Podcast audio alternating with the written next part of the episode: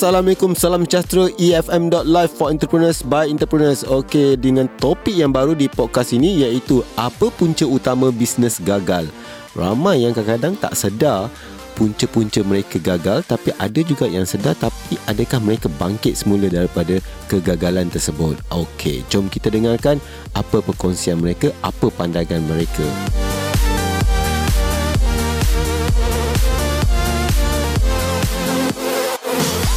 Apa punca utama bisnes gagal. Ha, mesti ada yang dah tahu sebenarnya tapi saya cuba uh, berikan uh, 10 sebab yang biasanya uh, telah dibuat kajian bahawa memang inilah sebenarnya yang 10 yang terbanyak sekali sebab kenapa bisnes tu gagal. Sebab sejak dan sejak sedekat ini ramai usaha muda lahir dan mereka memulakan bisnes seawal di usia muda. Ada yang terus mengorak langkah hingga berjaya, ada yang gagal tapi terhenti di tengah jalan.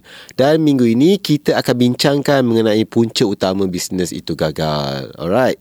Dan mereka yang memulakan perniagaan kemudian gulung tika disebabkan banyak perkara sebenarnya. Tetapi saya ingin kongsikan di sini ada 10 sebab yang paling tinggi yang membuatkan perniagaan itu gagal. Okey, yang yang pertama saya ingin kongsikan iaitu gagal merancang. Ah, apa tu?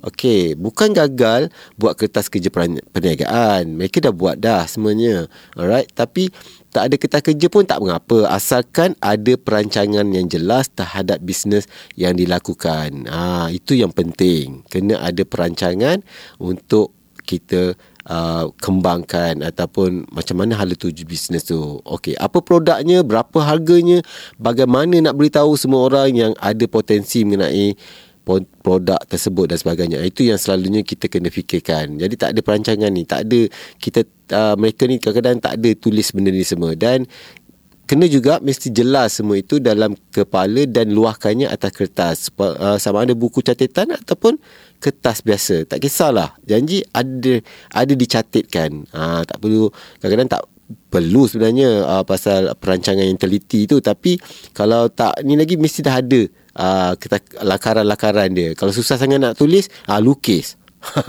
kan?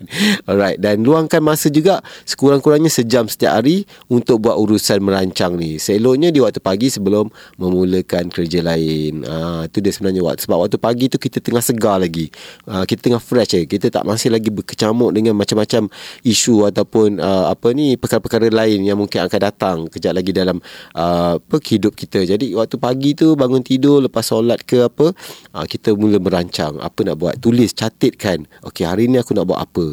Nak buat apa? Mesti capai sasaran aku tu. Ah itu sebenarnya yang dimaksudkan. Alright? Keduanya saya nak kongsikan tiada sasaran yang boleh diukur. Ah, apa maksud tu? Okey, berapa jumlah jualan yang anda perlu buat dan dalam tempoh berapa lama anda perlu capai sasaran tersebut? Ah, itu sebenarnya. Okey, itu adalah antara sasaran yang boleh diukur yang anda wajib lakukan. Sebab, ah, sebabnya apa? Sebab itu anda perlu sediakan aliran keuangan perniagaan anda hanya dengan menterjemahkan semua aktiviti kepada ringgit dan sen sahaja membolehkan anda ukur ukur semua sasaran yang ditetapkan. Maksudnya, uh, ianya mesti ada nampak figure. Uh, ringgit Malaysia. Uh, mesti nampak. Itu cara untuk mengukur sama ada sasaran itu tercapai atau tidak. Kita tak bolehlah men, uh, menyasarkan dengan hanya oh aku dah capai dah benda yang aku dah uh, apa ni dah dah dah plan. Tak kita kena okey kalau kita dapat jual barang atau produk kita atau servis kita mesti ada income. Dari situ kita ukur. Sama ada kita kena katakan target hari ni aku mesti dapat RM100 Ha, mesti sasarkan Mesti dapat capai InsyaAllah RM100 Kalau tak capai pun Mungkin dekat-dekat dah Dengan RM100 Itu cara anda mengukur uh, Sasaran anda. Okay? Dengan adanya aliran tunai Bulanan sebagai unjuran memboleh, Membolehkan anda buat sasaran Dari segi tempoh masa. Ha, Maksudnya kena ada Sasaran untuk dalam sebulan tu. Jadi bila Kita dah tahu berapa bajet Target kita untuk bulan tu uh, kita boleh bagi untuk tempoh yang sebulan contohnya tempoh masa tu dan kita kena kejam macam mana nak capai sasaran. Okey, seterusnya pecahkan aktiviti untuk mencapai sasaran dari bulanan kepada mingguan dan seterusnya kepada harian. Ah ha, semuanya mesti diukur. Maksudnya bermula kita target sebulan, lepas tu pergi seminggu, lepas tu pergi sehari. Maksudnya okey sehari aku mesti dapat berapa, seminggu mesti dapat berapa, sebulan mesti banyak mana. Ha, itu maksudnya. Dan lebih baik lagi Beli whiteboard. Kalau ada whiteboard lah uh, Kalau ada duit Beli whiteboard Dan pasang pada dinding pejabat Atau rumah anda Dan bilik ke Supaya anda jelas Nampak apa yang anda sasarkan. Uh, Catikkan semua sasaran Dan pencapaiannya Di atas whiteboard Setiap hari Supaya jelas Depan mata Sentiasa. Jadi anda tak Hilang fokus. Bila masuk bilik ke Masuk pejabat ke Nampak dah Apa yang awak anda sasarkan Ha, sebab kadang-kadang kita dah tulis-tulis kat kertas, kita simpan dalam beg atau letak tepi meja, kita dah lupa. Jadi kalau kalau benda tu dicatatkan kat dinding, kat whiteboard tu, ha, nampaklah selalu. Ha, waktu tu lah kita fikir, alamak dah pukul 3, sasaran tak capai lagi. Ha, jadi kita kena fikir macam mana kita nak uh, membetulkan. Mungkin ada strategi yang tak betul yang kita kena betulkan untuk capai sasaran tu. Alright. Ha, yang ketiga apa dia pula? Gagal catit dan simpan rekod penting. Ha, ini selalu sangat. Saya dah interview ramai orang. Ha, ramai yang saya jumpa usahawan-usahawan ni. Inilah yang selalunya mereka selalu buat. Ha, itu gagal catit dan simpan simpan rekod penting. Sebab kadang-kadang mereka kata alasannya tak sempat lah, busy lah, terlupa lah, terlupa letak kat mana lah, ha, macam-macam lah. Okay, ini termasuklah rekod kewangan keluar dan masuk, rekod dan dokumen perjanjian, rekod dan segala resit penting, bukti pembayaran, rekod penghantaran, rekod password domain, rekod sijil atau lesen dan sebagainya. Macam-macam. Semua kena rekodkan, kena catatkan. Ha, sebab kalau katakanlah satu hari nak minta bantuan daripada agensi contohnya, nak minta geran ataupun pinjaman, okey, ataupun daripada bank ke atau siapa sajalah, ha, mesti ada rekod kewangan ni, kena ada akaun keluar masuk ha, yang tercatat keluar masuk duit tu. Sebab benda ni penting. Walaupun kadang-kadang hari ni masuk besok dah keluar ataupun hari ni masuk pagi masuk petang dah keluar. Tak apa jangan risau. Sebab itulah sebenarnya rekod Ah, jadi jangan rasa eh macam mana bank ke ataupun agensi nak luluskan. Tak tak tak jangan risau benda tu. Mereka hanya nak tengok ada pergerakan aktif akaun anda. Ah, itu yang pentingnya. Okey. Okey, yang keempat saya nak kongsikan pembiayaan terputus. Ah, maksudnya apa dia ni? Salah satunya adalah disebabkan tiada modal untuk suntik masuk Ha, pertahankan aktiviti perniagaan anda. Mungkin juga disebabkan kurang jualan yang tidak mencapai sasaran dalam masa yang ditetapkan. Ha, maksudnya kita punya pembiayaan tu, kewangan kita, cash flow kita terbantut, terputus. Ha, sebab mungkin sale kita tak capai sasaran. Jadi kita tak boleh nak kembangkan lagi bisnes. Kita nak nak apa ni nak uh, gerakkan operasi, nak gerakkan marketing. Jadi akhirnya bisnes tu tutup lah. Ah tak boleh. Kena fikirkan. Uh, jangan sampai pembiayaan terputus. Sebab tu tadi kita cakap awal-awal tadi kena ada rekod keluar masuk, kena ada perancangan dan kena ada sasaran. Uh, supaya pembiayaan tu tak terputus. Okey? Uh, ada dua cara tambah pembiayaan dalam perniagaan anda. Pertama, sama ada anda nak meminjam dari orang lain ataupun dari pihak agensi atau bank. Ha, keduanya aktif jualan kepada pelanggan. Maksudnya ini lebih mudah jika anda berusaha dengan gigih dengan menawarkan nilai yang tinggi yang sukar ditolak oleh pelanggan. Ini maksudnya kalau kita tahu value produk kita, kita jangan takut. Kita kena bagi satu harga, kita jual produk kita, kita mesti capai sasaran dia. Ini juga berkaitan dengan unjuran aliran tunai yang saya sebut ke atas tadi kan. Okey, anda mesti buat jangkaan logik bila titik pula modal boleh dicapai. Sementara mencapainya perlu kira sama ada duit cukup atau tidak untuk terus berusaha. Dan kalau tak cukup nak buat macam mana? Kena ada plan B. Ha, kena plan B ni macam mana awak anda nak capai sasaran tu? Ha, tu yang penting okey? Okey nombor lima. Kenakan harga yang murah. Ha, ini masalah juga usahawan. Kadang-kadang sampai bisnes tu lingkup Kerana mereka takut sangat nak letak harga yang sesuai Harga yang memang value produk dia Tapi dia turunkan harga lagi Kenakan harga yang murah Sebab Kenapa? Takut tak laku. Ha, ini ramai yang buat lawan harga sampai akhirnya jadi macam cerita Piramli kan. Kasih free semua benda. Ha, jangan terlalu takut untuk tetapkan harga yang berpatutan. Harga mestilah sama ada sama, sama dengan pesaing atau lebih mahal. Tak kisah. Janji awak ta- anda tahu value produk anda. Okey? Murah perlu dibuang daripada minda anda selagi anda masih tergolong dalam kategori belum kaya raya. Janganlah kerana ah, tak apalah bagilah murah. Kesianlah kat dia.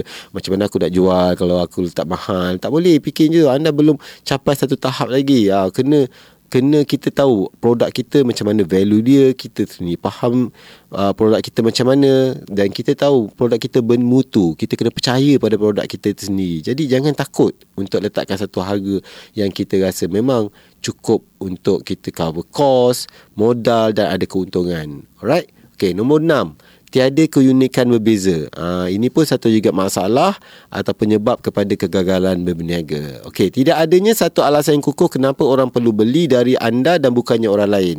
Tiada perkara itu bakal membuatkan anda gulung tikar dengan mudah. Alright. Dan bila tiada alasan kukuh kenapa orang perlu beli dari anda membuatkan anda fokus pada kurangkan harga serendah mungkin. Ini akan menarik ramai pelanggan yang tidak setia. Ha, dan ini juga akan menarik ramai pelanggan yang tidak penting mementingkan kualiti yang hanya mahu murah sahaja. Ha, itu kan. Ha, jadi bila letak murah, ha, maka akan ada, memang ada customer, ada pelanggan. Tapi mereka datang sekali je lah. Ha, ataupun mereka memang jenis pelanggan dapat pelanggan-pelanggan yang tak ada tak tahu nak menilai produk. Ha, mereka nak murah aja. Okey. Okey dan cari kelebihan anda yang tidak ada pada pesaing lain sama ada pesaing direct ataupun indirect. Hanya dengan cara itu anda boleh kenakan harga yang sama atau mahal sedikit dari pesaing. Jadi kena ada keunikan. Ha, produk anda tu anda tahu okey keunikan dia apa supaya orang nak datang. Walau tak berapa harga pun eh, yang yang berbaloi atau sesuai orang akan datang beli sebab orang nak kelainan yang berbeza daripada pesaing-pesaing anda. Okey. Nombor tujuh, gagal melayan pelanggan. Ha, ini masuk dalam bab melayan pelanggan dengan cara yang buruk. Macam seorang yang sombong tapi ada hati nak berniaga. tak boleh lah kan. Ha, kau sombong kan, ha, ego sangat. Kadang-kadang pelanggan pun tak suka. Bukan kadang-kadang, memang semua pelanggan tak suka. Ha, sebenarnya ini merupakan salah satu cara untuk bezakan anda dengan orang lain. Kita namakannya sebagai sentuhan peribadi, ha, personal touching. Jadi kita kena sentiasa ha, ada apa ni sentuhan peribadi dengan pelanggan kita. Ha, janganlah sentuhan peribadi lain. Maksudnya kita sentiasa tanya khabar dia, kita bersenyum ha, dengan mereka bila kita jumpa mereka, tanya khabar, tanya ha, apa kehidupan mereka. Janganlah membawa, bukan membawa. Maksudnya tanya Assalamualaikum, apa khabar hari ni uh, kami ada produk uh, apa nak uh, untuk sesuai untuk hari jadi uh, macam tu contohnya okey kalau produk atau servis anda sama macam orang lain dan tak jumpa jalan bagaimana nak bezakan dari segi produk atau servis anda boleh bezakan dengan layanan istimewa lah. Uh, supaya pelanggan balik tidur tak lena. Uh, sebab apa? Asyik ingatkan anda aje kan? Ha. ha itu dah salah satu strategi juga. Ha kan? Ha kan? Asyik teringat je letak kepala apa tangan atas dahi. Bila lah aku nak jumpa dia lagi esok kan? Ha. Alright. Dan janganlah yang emosi keletihan dan keris- kerisauan anda sampai orang meluat menyesal membeli dari anda. Maksudnya kita tak boleh lah bila jumpa customer tu oh saya letih hari ni penat betul. Ramai sangat orang tadi. Tak boleh. Jangan jangan merungut depan pelanggan. Tak boleh. Sebab bila anda merungut depan mereka mereka akan rasa aku ke yang kau maksudkan? Ha melemahkan kau meletihkan kau. Ha tak boleh. Kita kena sentiasa senyum bersyukur bila pelanggan makin ramai. Ha tak boleh kata ha, apa um, tadi ramai sangat sampai saya tak sempat nak makan. Ha tak boleh. Ha, jangan cakap macam tu. Ha, itu memberikan satu persepsi kepada pelanggan bahawa anda ni seorang yang perungut. Ha, okay. Apa yang ke-8 saya nak kongsikan Toke pun abaikan kesihatan mental dan fizikal Apa maksudnya ni? Kalau toke stres sampai dihinggapi masalah kemurungan Atau lebih teruk lagi kena serangan jantung Alamat perniagaan akan tutup terus lah jawabnya Maksudnya uh, pastikan perniagaan berjaya. Anda tidak boleh punya stres tak boleh tertekan uh, sampai sakit. Okey mesti kena ada masa berehat juga. Kena bersama keluarga rakan-rakan. Uh, jadi bila anda uh, apa ni boleh rehatkan diri mungkin boleh pergi bersukan berjogging tenangkan fikiran. Jadi bisnes tu akan sentiasa uh, positif. Ha, maksudnya bila anda masuk kerja lepas berehat tu ataupun uh, bersukan dalam masa satu hari dua hari tu, anda boleh mulakan kerja anda setiap minggu tu dengan fresh. Ha, okay. Sebab ramai usahawan uh, terlepas pandang benda ni. Kadang-kadang dia orang ni fikir macam 24 jam tak cukup. Ha, kena kerja, kena bisnes, kena buat selalu. Tak boleh sebab lama-lama anda yang stres. Ha, sampai ianya memakan diri kesihatan anda. Right. Dan idea baru memerlukan akal yang kuat daya kreativitinya. Dan untuk tingkatkan daya kreativiti anda mesti sediakan masa bersantai sama ada seorang diri ke kalau tak ada kawan-kawan lah kan. Ha, ataupun dengan kawan-kawan ke atau keluarga. Bukan tak ada kawan-kawan. Maksudnya kadang-kadang kita nak freedom kita sendiri kita nak masa kita sendiri dengan berehat ha, pergi mana-mana ke supaya tak ada gangguan. Alright. Dan untuk berniaga banyak guna otak. Untuk itu anda perlu kuat stamina dan untuk kuatkan stamina anda mesti ada masa isi semula segala tenaga yang diperlukan. Hanya dengan rehat, bersenam dan jaga makan minum serta jaga kesihatan boleh anda dapat itu semua. Betul kan? Ha, jadi kena bagi pandai bagi masa, kena disiplin. Jangan kata semua benda nak kena penuh hingga kerja. Tak, sebenarnya tak betul tu. Jadi kita kena tahu mengatur masa kita. Okey? Okey, dan saya nak masukkan yang ke-9. Apa dia? Tak sedar kurang ilmu dan pengalaman. Ha, maksudnya ego. Dia tak tahu pun. Bukan dia tak tahu, kadang dia tahu kadang. Tapi kadang dia tak sedar banyak mana dia tak tahu ilmu tu yang dia tak ada. Okey, memang baru berniaga kita kurang pengalaman. Tak pernah tak perlu rasa rendah diri untuk mengaku kurang pengalaman. Tapi ada orang yang bodoh sombong, rasakan dia betul dan tak mahu mendengar pandangan orang lain. Dan mendengar pandangan tidak semestinya perlu menerimanya. Tapi tidak sudi langsung dengan pandangan orang mampu membawa bencana. Ha, betul tak? Ha, kita tak semestinya kita terima bulat-bulat apa yang orang cakap. Mungkin kita boleh luangkan masa, kita dengar apa saja dia punya cadangan ataupun dia punya komen, kita analisis. Ha, bila kita analisis barulah kita buat keputusan sama ada kita nak ambil atau tidak atau ambil sebahagian dan berkawan juga dengan orang yang lebih berpengalaman akan banyak membantu dalam bab ini buang ego buang malu dan jangan terus tolak semua pandangan. Buat analisa berdasarkan fakta dan bacalah buku pengurusan dan perniagaan. Jadi jangan malas, okey? Dan sentiasa niat untuk terus belajar dari apa sahaja perkara yang anda lalui. Buka mata dan pasang telinga. Sentiasa mencuba perkara baru dan jangan segan bertanya. Ha, ini kadang-kadang ramai usahawan-usahawan yang kadang yang dah rasa dia dah bagus, dia dapat income besar, dia tak nak belajar lagi, dia tak nak tanya. Ha, dia tak nak tanya orang lain sebab dia rasa dia rasa macam dia dah cukup baik. Ha, itu tak boleh. Kita kena buangkan sifat perasaan macam tu supaya kita sentiasa aktif, kita sentiasa positif dalam segala hal, mendengar pandangan orang lain. Okey? Yang terakhir ni yang ke-10, tak ada jiwa dengan perniagaan yang dijalankan. Ha, maksudnya apa tu? Ha, kalau tak ada minat, maka tidak akan ada kesungguhan yang maksimum. Cari ya alasan yang kuat.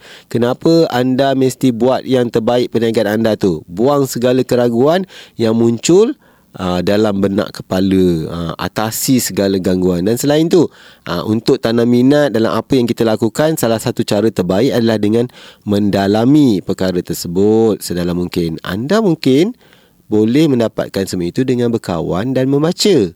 Ha, dan sering kongsikan apa yang anda buat dan apa pengalaman yang anda tempuhi pada orang lain yang sudi mendengar. Ini juga membantu ha, untuk kita menjiwai apa yang kita lakukan. Alright. Dia macam ni lah. Ha, macam teruna dengan dara lah kan. Walaupun tak tak suka kali pertama tu, bila dah setuju, ha, bila dah selalu jumpa, berkongsi cerita, lama-lama jatuh cinta. Kan? Sebab itu orang kata tak kenal maka tak cinta. Oleh itu, kenali apa yang anda buat sedalam mungkin. Pasti akan jatuh cinta akhirnya. Tak gitu. Ha. Alright Dan carilah Menti atau mentor Supaya anda boleh kongsikan Pengalaman anda. Galakkan mereka Melakukan aktiviti yang sama Dan jangan kemut ha, Ilmu takut mereka akan jadi pesaing anda. Jangan uh, jangan kemut, jangan jangan apa uh, uh, takut nak bagi ke ilmu, ilmu ni share dengan orang lain sebab fikir nanti ah nanti kalau dia buka bisnes ni ah, mati aku ah, pesaing aku lah pula. Ha tak boleh lah. Kita kena berkongsi. Okey, rezeki tak pernah salah alamat. Ah tu yang penting. Ah yang penting kita ada usaha, kita ada doa, kita ada tawakal kepada Allah Subhanahu Wa Taala. Insya-Allah. Alright dan okay itu dia kesimpulannya kenali 10 musuh penyebab perniagaan gagal yang saya sebutkan di atas tadi dan kita kuasainya. Jadi kita betulkan apa kesilapan-kesilapan tu kita kena betulkan. Alright.